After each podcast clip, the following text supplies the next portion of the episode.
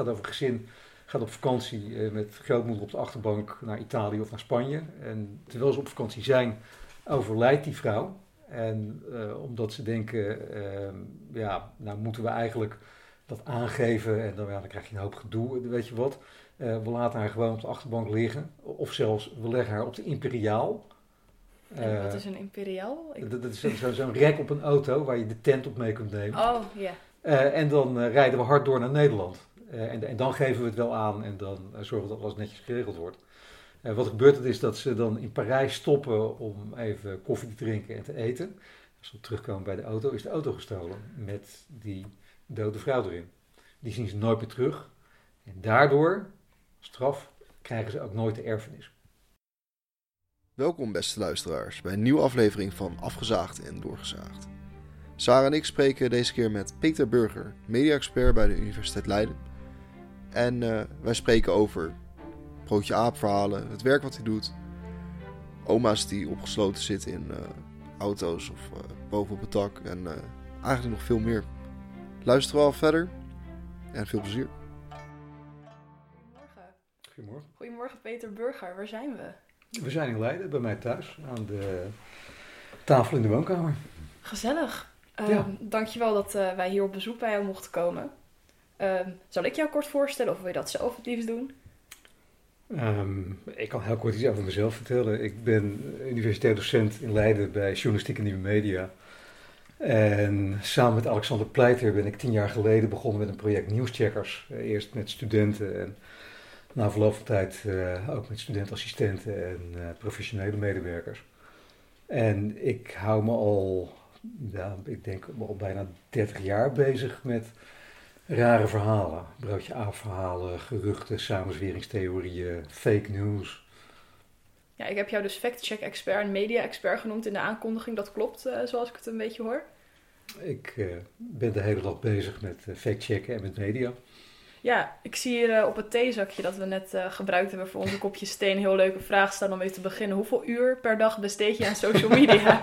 Ja, dat is, dat is een gewetensvraag. En, volgens mij blijkt ook uit onderzoek dat mensen dat van zichzelf makkelijk onderschatten. Ehm, het, het zal bij mij al snel eh, een uur of twee per dag zijn. Want social media is wel belangrijk voor wat jij doet, neem ik aan. Ja, omdat het, eh, nou ja, als, als je geïnteresseerd bent in nieuws en in journalistiek.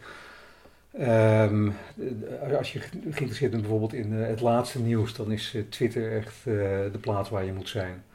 Ehm, en als je, zoals ik, ook geïnteresseerd bent in allerlei soorten rare verhalen, dan, eh, ja, moet je ook op sociale media zijn. Dat is ook voor mij echt een. eh, eh, ja, echt bij, ja, een openbaring. eerst het internet en daarna sociale media. Ik ben begonnen met verhalen verzamelen, gewoon door mensen te vragen. Op, bijvoorbeeld op, ja, echt op verjaardagsfeestjes. Ehm, en ik heb ook nog een hele tijd een, eh, soort enquête uitgedeeld. We hebben bijvoorbeeld een lijst van 100 eh, broodje aapverhalen. Dan konden mensen aankruisen of ze die verhalen kenden en dan eh, ook aan studenten.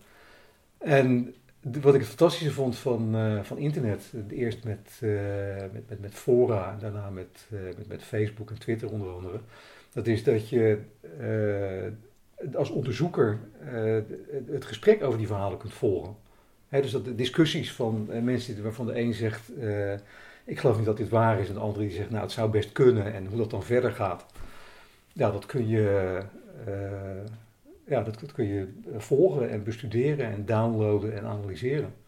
Dus jij zou zeggen dat door de komst van social media eigenlijk dingen als broodje aapverhalen en fake news eigenlijk veel makkelijker ehm, verspreid wordt. Dat het niet alleen maar mondeling is, maar dat mensen het gewoon anoniem de wijde wereld in kunnen gooien natuurlijk. Ook, ook maar, maar, maar het kan dus ook makkelijker onderzocht worden. Ja. omdat een, kijk, je moet je voorstellen, ehm, ik heb Nederlands gestudeerd. Ik heb, ehm, eh, ik heb me gespecialiseerd in middeleeuwse literatuur. En, en Dat is heel wat anders. Echt, nou ja, dat lijkt heel wat anders. Het is niet helemaal anders. Want in diezelfde tijd eh, ja, las ik een boek, het, het boek Broodje Aap. Eh, dat is uit 1978. Ik las dat begin jaren 80. En eh, dat is een, verzameling van Broodje Aap verhalen. Eh, ook heel bijzonder, want ook wereldwijd de eerste verzameling op dat gebied. Eh, ex equo met een, een Engelsman die daar een boekje van maakte. Dat is gemaakt door een, uh, een schrijfster, Ethel Portnoy. Die was Amerikaans, maar die woonde in Nederland. En die had ook een achtergrond in culturele antropologie. En waarschijnlijk heeft ze daar ook in Amerika op colleges dat, dat idee opgepikt dat er ja, verhalen werden verteld. bijvoorbeeld ja, het oerbroodje aap, dat is een verhaal over een, een, vrachtwagen die is onderweg naar een hamburgerfabriek. Onderweg krijg je ongeluk. De deuren die vliegen open. Mensen komen aanlopen en dan zien ze dat in die vrachtwagen geen koeienkarkassen hangen, maar dode apen. Dus hij is langs geweest bij de dierentuin en gewoon alle, alle dat is het originele broodje aap? Dat is, dat is het oerbroodje aap. alle, alle vlees wat ze kunnen krijgen, dat wordt door die hamburgers heen gedraaid. Um, dat soort verhalen, ehm, ja, in, in die tijd, uh, de jaren 50 en 60, zijn die ontdekt in Amerika. En toen dachten ze ook dat is, dat is iets unieks en nieuws. Uh, ja, zij heeft er dat boek van gemaakt. Uh, ik las dat, ik was helemaal doorgegrepen. Zeker toen ik ook nog een, een boek las van een Amerikaanse professor, Jan Harold Brundtland. en, en daaruit leerde ik dat je echt een, ja, een hele wetenschap had op dat gebied. Een hele club van, van onderzoekers met ja, methoden om die verhalen te verzamelen en te analyseren. Alleen in die tijd moest dat nog heel vaak, um, nou ja, zoals wij nu zitten te praten aan tafel en dan met een, bijvoorbeeld een, een joekel van een bandrecorder erbij. Um, of je, ja, je kon een enquête doen of ja, je kon mensen interviewen en je kon het opschrijven. En dat betekende dat dat je afhankelijk was van ja, kleine groepjes mensen. Dus je kon heel weinig tegelijkertijd verzamelen. Je zat er als onderzoeker enorm zelf bij, invloed uit te oefenen op dat gesprek. Terwijl toen mensen online begonnen te discussiëren over die verhalen, die verhalen begonnen door te geven. toen hadden ze ongeveer dezelfde discussies als dat ze hebben als ze bij elkaar aan tafel zitten. alleen die kun je volgen als onderzoeker, zonder dat je daar zelf invloed op hebt. Zijn broodje aapverhalen dan eigenlijk de voorgangers van het huidige nepnieuws? Of is dat een andere ontwikkeling? Nou, niet, niet helemaal. Omdat sommige thema's die ik uh, eh, 30 jaar geleden al voorbij zag komen, die worden nog steeds gebruikt. Dus het zijn ook vaak verhalen over, ja, over, over echt de, de extreemste dingen die je kunt bedenken. Hè. Uh, cannibalisme bijvoorbeeld. Uh, de verschrikkelijke misdaden. verschrikkelijke viezigheid. Hè, zoals die verhalen over alles wat er door die hamburgers heen wordt gedraaid. Ehm, dat, dat wordt nog steeds gedaan. Um, maar goed, die, die, ontwikkeling dat je nu ook iets kunt maken dat eruit ziet als nieuws, maar dat eigenlijk nep is, dat is, ja, dat is toch meer iets, uh, iets van deze tijd. Moest je daaraan wennen dat dat bestond? Want jij hebt, Nepnieuws? Ja, je hebt gestudeerd in een tijd waarin dat nog niet bestond. Dat mensen politiek mm. nieuws zouden verzinnen om daarmee campagne. Ah, ja, bestond dat wel al? Nee, dat, dat bestond al wel. Bijvoorbeeld, um, bijvoorbeeld een van de oudste verhalen. Uh, je, hebt, je hebt allerlei verhalen over um, uh, diefstal van menselijke organen. En bijvoorbeeld in de vorm van een verhaal. iemand die gaat voor een, een, weekend naar Parijs. Um, een man en een vrouw. die man die raakt zoek. wordt een tijd later teruggevonden ergens op een bankje aan de Seine. Helemaal verdoofd. En met een enorm litteken. En wat blijkt, die is ontvoerd en een van zijn nieren is eruit gehaald hè, door de, de organenmafia. Nou, daar zijn allerlei varianten van, ook met bijvoorbeeld kinderen in arme landen die worden ontvoerd en die dan in stukjes worden gesneden door die organenmafia. Dat had je al begin jaren negentig. en dat is ook gebruikt als een, ja, eigenlijk zoals dat nu ook gebeurt, als een, een politiek propagandamiddel. Dus de Russen destijds hebben dat verhaal nog een extra duwtje gegeven. Ehm, en dan ook met het element erin dat dat Amerikanen waren die dat deden. Andersom, uh, Amerikanen in die tijd uh, hebben gezegd dat hele verhaal dat is absoluut nep. en het komt helemaal uit de koker van de Russische inlichtingendienst, wat ook niet waar was. En het verhaal was gewoon verzonnen? Of? Um, het, het, was niet helemaal gewoon verzonnen die verhalen over, um, die je bijvoorbeeld in de jaren negentig had, en die je trouwens nog steeds hebt, over mensen die bijvoorbeeld in Parijs even zoek raken en dan een, eh, een nier kwijt zijn. Of, of mensen die um, na een ontmoeting in een bar uh, wakker worden in een hotelkamer, in een badkuip vol met ijsblokjes. met een briefje erbij, bel een ambulance, want we hebben je nier gestolen. dat, ja, dat, dat moet ooit door iemand verzonnen zijn, maar ik heb geen idee door wie. Maar er zit veel meer aan vast. Hè. Wat er bijvoorbeeld ook aan vast zit, dat is dat die verhalen circuleerden in landen, bijvoorbeeld in Zuid-Amerika, waarin mensen daadwerkelijk verdwenen. waar je doodseskaders had en uh, ja, waar dat een uh, voor veel mensen geloofwaardige uitleg was voor wat er gebeurde. Ja, dat uh, klinkt eigenlijk een beetje als horror.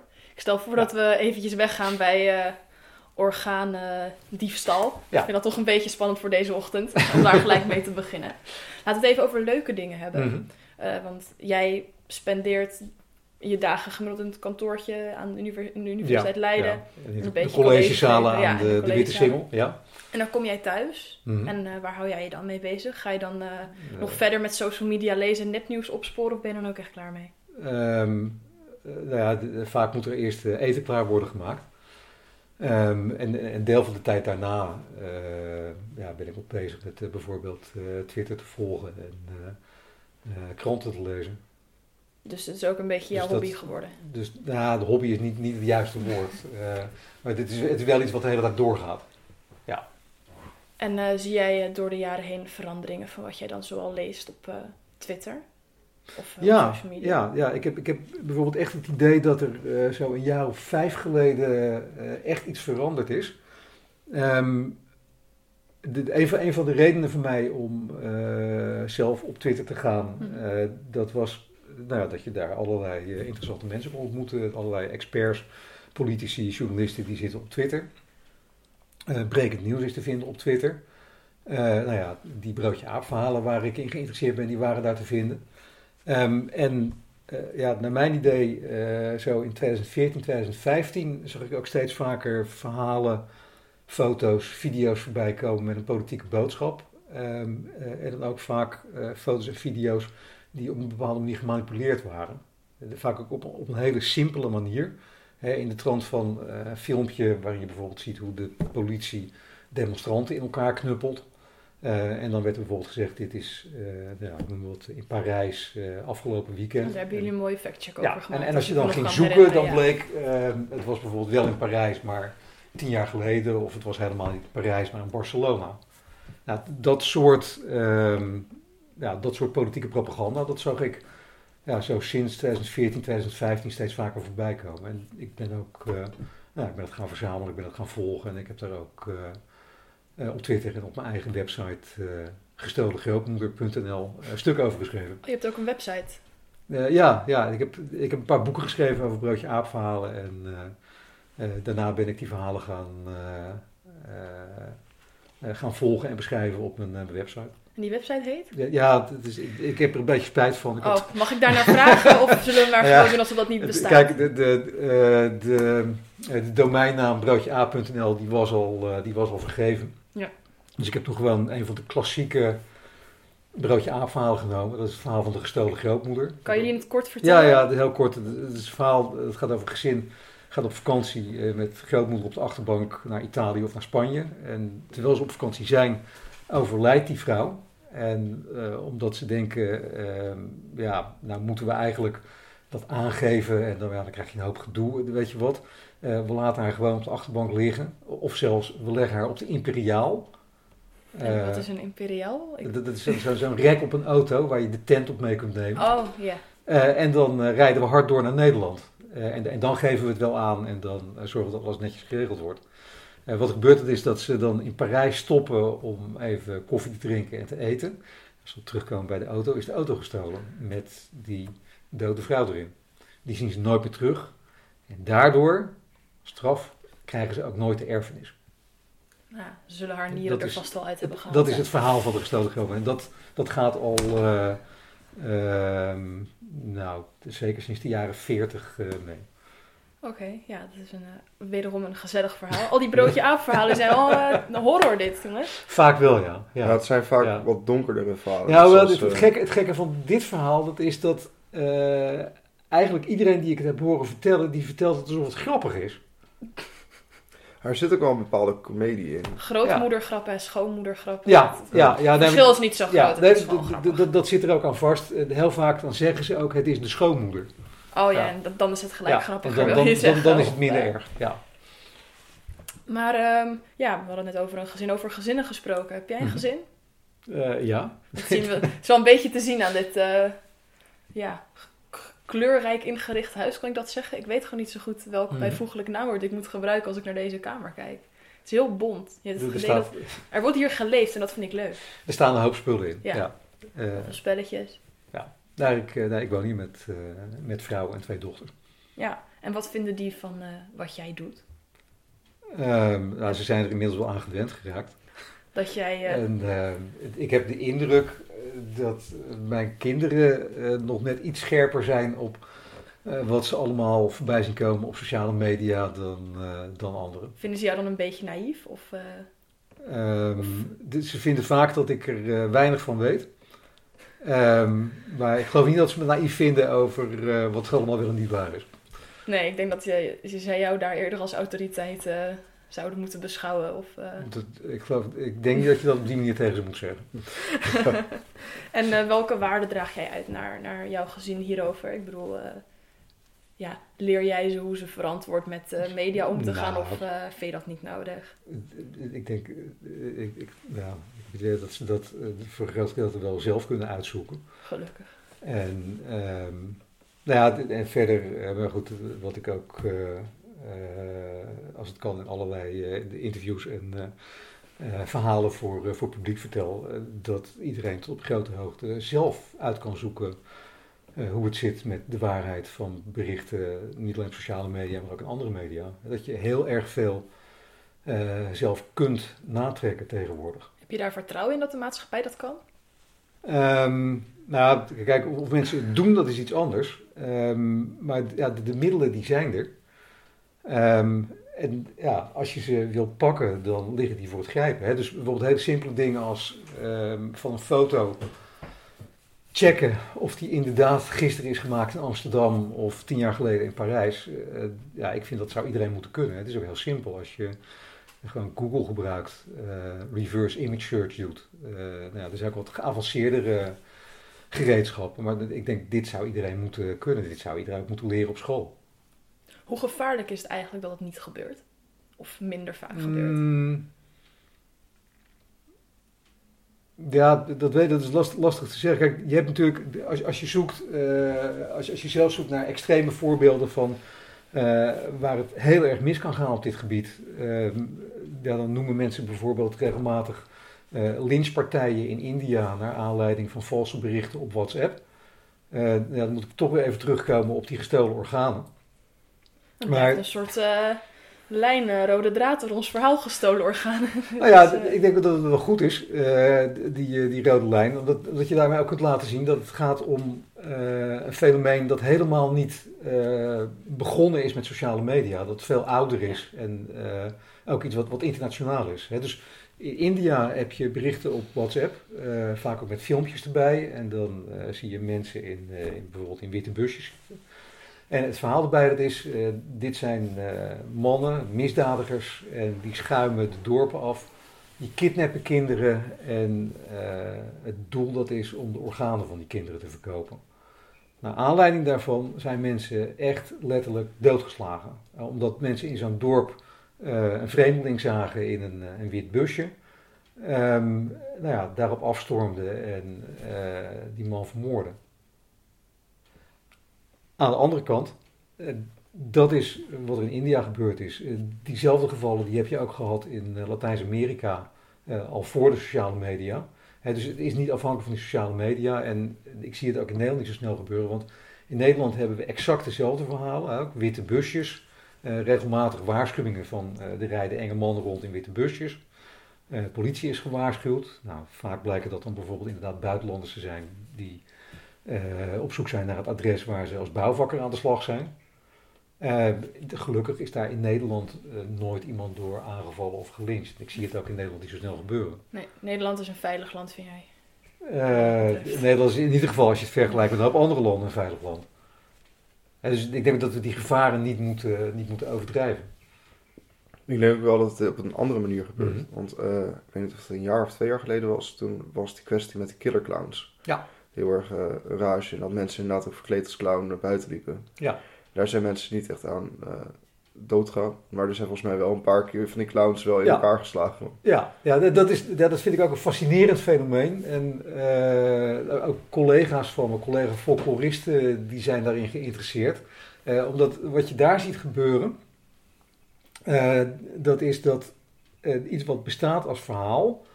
ehm, ik denk dat de meeste mensen in Nederland wel gehoord hebben dat er eh, af en toe eh, mensen rondlopen die zo'n clownsmasker opzetten. En die dan eh, soms zelfs met, met wapens zwaaien of ja, anderen op zijn minst bang proberen te maken. Dat dat verhaal waar wordt gemaakt. En, en dat er inderdaad van tijd tot tijd ja, een soort opleving is. Ja, dan zijn er over het algemeen kinderen en jongeren die inderdaad met een clownsmasker de straat op gaan. Ehm, en dat is inderdaad vrij riskant, want eh, het bijzondere dat is dat eh, je hebt aan de ene kant heb je de clowns. Ehm, nou, soms bestaan die echt. Hè, die gaan echt letterlijk de straat op verkleed. Eh, soms bestaan ze alleen maar virtueel. Hè, ze dan, dan roepen ze gewoon boe op sociale media. Dan maken ze bijvoorbeeld een account aan van de, maar, de, de clown van Vlaardingen of de clown van Amersfoort. Ehm, de andere kant dat is, je krijgt dan ook eh, een soort ehm, ja, straatwacht of buurtwacht eh, van kinderen en jongeren en, en soms ook volwassenen die de straat opgaan op jacht naar die clown. Eh, dat is gevaarlijk. Hm. Hè, want eh, als, als er dan iemand eh, of eh, nou ja, echt met zo'n clownsmasker rondloopt, eh, of zelfs maar wordt aangezien voor de clown, eh, nou ja, dan kunnen de klappen vallen. En eh, Peter, jij geeft dus les, of nou ja, college zou ik moeten zeggen, aan de Mhm. Universiteit Leiden. Wat voor vakken doseer je? Wat moet ik me daarbij voorstellen? We hebben een opleiding journalistiek en nieuwe media, een, een minor en een master. En in de minor geef ik wetenschapsjournalistiek. Eh, Dat is trouwens ook waar we begonnen zijn met het project eh, Nieuwscheckers. We, hebben studenten jarenlang eh, nieuws laten onderzoeken over eh, onderzoek, eh, gezondheid, eh, ja, cijfers in het nieuws. Bedoel je daarmee dat eh, het clickbait nieuws op Facebook van onderzoek toont nu uit dat eh, rommelige mensen slimmer zijn? Of, eh, Ook ja, ja, ja we, we, zijn, we zijn begonnen met eh, echt serieus nieuws. Mhm. Serieus nieuws in de zin van ehm, eh, over onderzoeken afkomstig van, van echte onderzoeksinstituten en ook gebracht door mainstream nieuwsmedia. En pas veel later, eh 2017, zijn we ook berichten gaan checken op Facebook. Eh, Het echte ja, pulp nieuws. Mhm. Want dat is één vak eh, wetenschapsjournalistiek. En in de masteropleiding geef ik al een hele tijd een vak. eh, dat heette eerst bronnenonderzoek. Omdat het gaat over de verhouding tussen eh, journalisten en de bronnen die ze gebruiken. Eh, Dus eh, eh, wederzijds hoe bronnen, bijvoorbeeld bedrijven en politici het nieuws proberen te sturen. En eh, andersom hoe journalisten eh, bronnen kiezen en, eh, en opvoeren. Ehm, en, en tegenwoordig heet het vak fact-checking. En, en is dat waar de studenten ook eh fact-checks uitvoeren? Zou jij jezelf ook journalist noemen? Ja, eigenlijk wel, ja. Ja, want eh, wat we doen met de studenten, eh, dat is voor een deel praktische journalistiek. Hè? Dus we maken journalistieke websites. eh, ja, dat doen we volgens gangbare journalistieke normen. En ik probeer ook om op mijn eigen website en af en toe een bijdrage aan andere media, eh, ja, eh, op basis van bronnen iets nieuws te vertellen. Dus dan ben je journalist, vind ik. Dat denk ik ook. Wat is voor jou het belangrijkste criterium voor goede journalistiek? Dat je jouw studenten bijbrengt van dit moet je doen om het goede journalistiek te laten zijn. Mm, ja, dat, dat kan allerlei vormen krijgen. Ehm, ja, wat, wat ik ze zelf probeer bij te brengen in eh, zowel die colleges wetenschapsjournalistiek als bij eh, fact-checking of bronnenonderzoek. Eh, ja, dat is dat ze op een degelijke, gedegen manier moeten omgaan met bronnen. Dus eh, goed onderzoek doen, ehm, ja, daar de tijd voor nemen. Eh, niet alles geloven wat bijvoorbeeld in persberichten staat of wat ook niet wat, wat experts vertellen. Zelfs niet alles geloven wat bijvoorbeeld wordt gepubliceerd als medisch onderzoek van academische ziekenhuizen. Ehm, ja, dat. Het, eh, kritisch zijn. Je hebt zelf niet de journalistieke opleiding uh, gedaan. Je hebt Nederlands gestudeerd. Nee, nee ik, heb, ik heb het voor het grootste gedeelte in de praktijk geleerd. dus je, je kunt zeggen dat ook toen ik uh, middeleeuwse literatuur bestudeerde, toen was ik ook bezig met bronnen.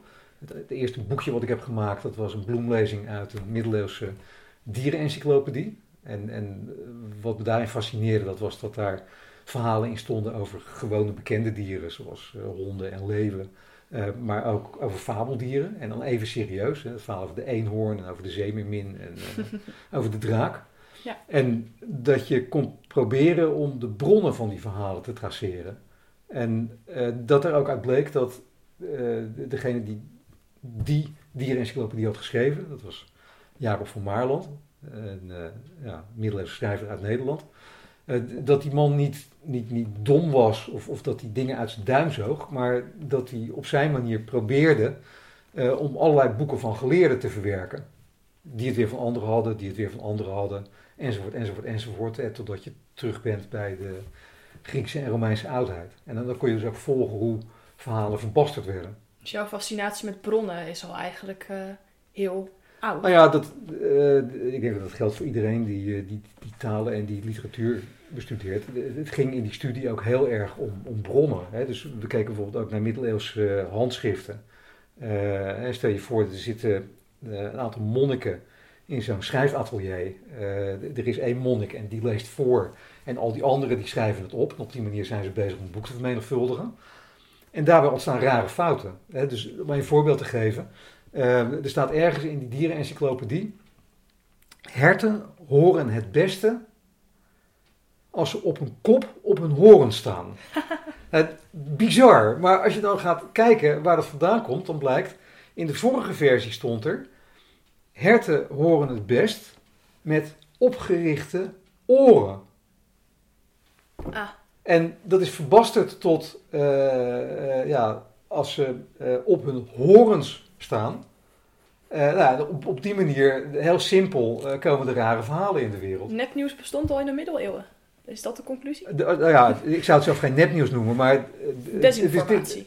nee, ook geen desinformatie, omdat uh, dit was een eerlijke fout. Ja. En uh, dat vroeg ik mij af. Maxime en ik, die, zijn, mhm. die, die doen een journalistieke opleiding. Dus wij hebben de journalistiek geleerd van, van onder andere jou en mhm. van uh, Alexander en van nog meer mensen. Maar hoe heb jij dan journalistiek geleerd? Ik ben daar wel benieuwd naar, want ik, ik kan daar niet over mm. meepraten. Ik heb vakken moeten volgen om journalistiek te kunnen. Maar is het wel iets wat je dan ah, zo leert? Of? Ja, nou ja, ik heb sommige dingen geleerd eh, in mijn studie. Uh, we leerden natuurlijk wel uh, schrijven, helder schrijven. Um, zo schrijven dat het voor een groot publiek begrijpelijk is. Um, maar andere dingen, bijvoorbeeld journalistiek onderzoek doen, interviewen, de journalistieke genres. Ja, dat heb ik geleerd door het te doen en door daar een hoop commentaar op te krijgen. En eh, door het eh, vooral eh, heel vaak te doen. En dat kan ik verder ook iedereen aanraden die journalist wordt. Kijk, het, mooie is, je hebt er geen diploma voor nodig. Het kan helpen om een journalistieke studie te doen, maar het hoeft niet. Ehm, en het mooie, zeker voor deze tijd, dat is de, de, gelegenheden om, om zelf media te maken. Hè, met je eigen website, je eigen podcast, noem maar op ja, dit is allemaal zo laagdrempelig geworden. Ja.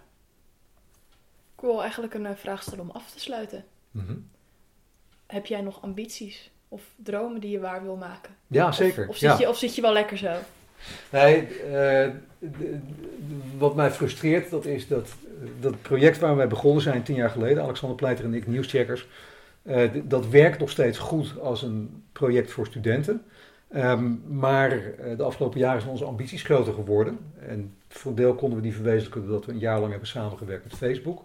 En dus wij hebben berichten gecheckt die door gebruikers van Facebook werden gemarkeerd als mogelijk nep.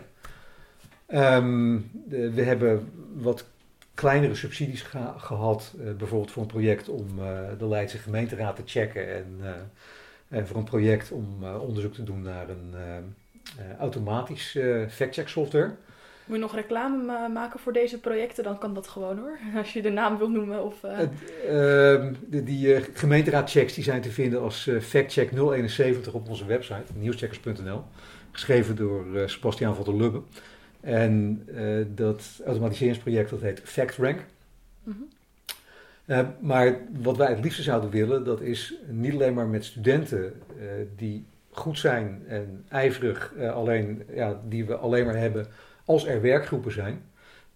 om ook met bijvoorbeeld betaalde studentassistenten en met betaalde freelancers het hele jaar door te checken. En dan ook zowel de politiek als bijvoorbeeld gezondheidsnieuws te volgen en andere terreinen, hè, zoals uh,